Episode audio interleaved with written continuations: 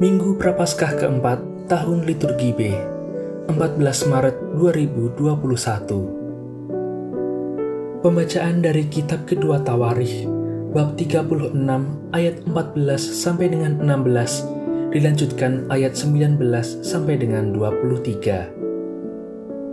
Ketika Israel diperintah oleh Raja Sedekia, semua pemimpin di antara imam dan rakyat berkali-kali berubah setia dengan mengikuti segala kekejian bangsa-bangsa lain. Rumah yang dikuduskan Tuhan di Yerusalem mereka najiskan. Namun Tuhan Allah nenek moyang mereka berulang-ulang mengirim pesan melalui utusan-utusannya, karena Tuhan sayang kepada umatnya dan kepada tempat kediamannya. Tetapi mereka mengolok-olok para utusan Allah itu, menghina segala firman Allah dan mengejek nabi-nabinya. Oleh sebab itu, murka Tuhan bangkit terhadap umatnya, sehingga tidak mungkin lagi ada pemulihan. Maka Tuhan menggerakkan raja orang-orang Kasdim. Mereka membakar rumah Allah, merobohkan tembok Yerusalem, dan membakar segala puri dalam kota itu, sehingga musnahlah segala perabotan yang indah-indah.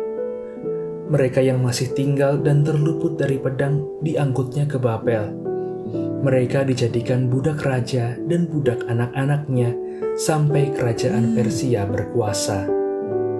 Dengan demikian, genaplah firman Tuhan yang diucapkan Yeremia, sampai tanah ini pulih dari akibat dilalaikannya tahun-tahun sabat, karena tanah itu menjadi tandus selama tahun sabat, sehingga genaplah 70 tahun. Pada tahun pertama pemerintahan Koresh, Raja Negeri Persia, Tuhan menggerakkan hati Koresh Raja Persia itu untuk menggenapkan firman yang diucapkan oleh Yeremia. Maka dimaklumkanlah di seluruh kerajaan Koresh secara lisan dan tulisan maklumat ini. Beginilah perintah Koresh Raja Persia. Segala kerajaan di bumi telah dikaruniakan kepadaku oleh Tuhan Allah semesta langit.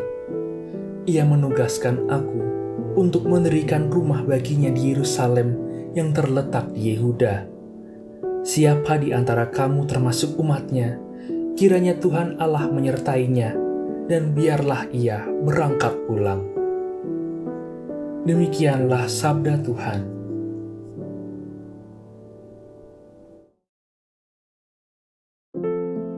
Pembacaan dari surat Rasul Paulus kepada jemaat di Efesus bab 2 ayat 4 sampai dengan 10. Saudara-saudara, terdorong oleh kasih karunia-Nya yang besar yang telah dilimpahkannya kepada kita, Allah yang kaya dengan rahmat telah menghidupkan kita bersama dengan Kristus, sekalipun kita telah mati karena kesalahan kita. Jadi kamu diselamatkan berkat kasih karunia. Di dalam Kristus Yesus itu, Allah telah membangkitkan kita juga dan memberi tempat di surga bersama dengan Dia.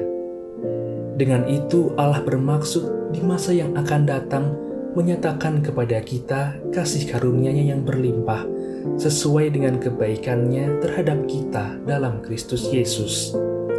Sebab berkat kasih karunia, kamu diselamatkan oleh iman. Keselamatan itu bukanlah hasil usahamu, melainkan pemberian Allah. Jadi, keselamatan itu bukanlah dari hasil pekerjaanmu.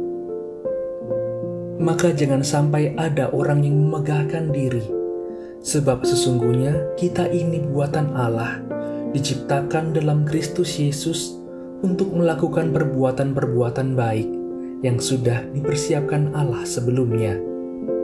Ia mau supaya kita hidup di dalamnya. Demikianlah sabda Tuhan. Inilah Injil Yesus Kristus menurut Yohanes bab 3 ayat 14 sampai dengan 21. Sekali peristiwa, Yesus berkata kepada Nikodemus yang datang kepadanya pada waktu malam, sama seperti Musa meninggikan ular di padang gurun.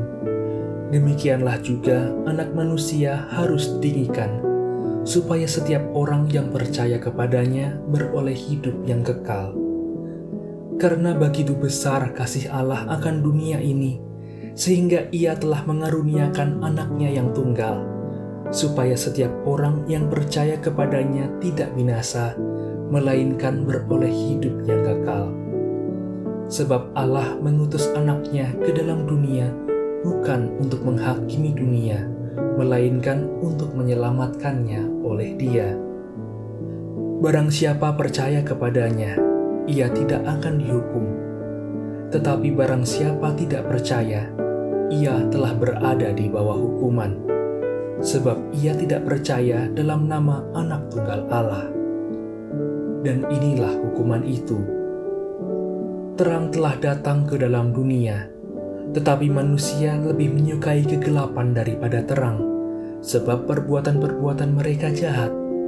Sebab barang siapa berbuat jahat, ia membenci terang dan tidak datang kepada terang itu, supaya perbuatan-perbuatan yang jahat itu tidak nampak. Tetapi barang siapa melakukan yang benar, ia datang kepada terang, supaya menjadi nyata bahwa perbuatan-perbuatannya dilakukan dalam Allah. Demikianlah Injil Tuhan.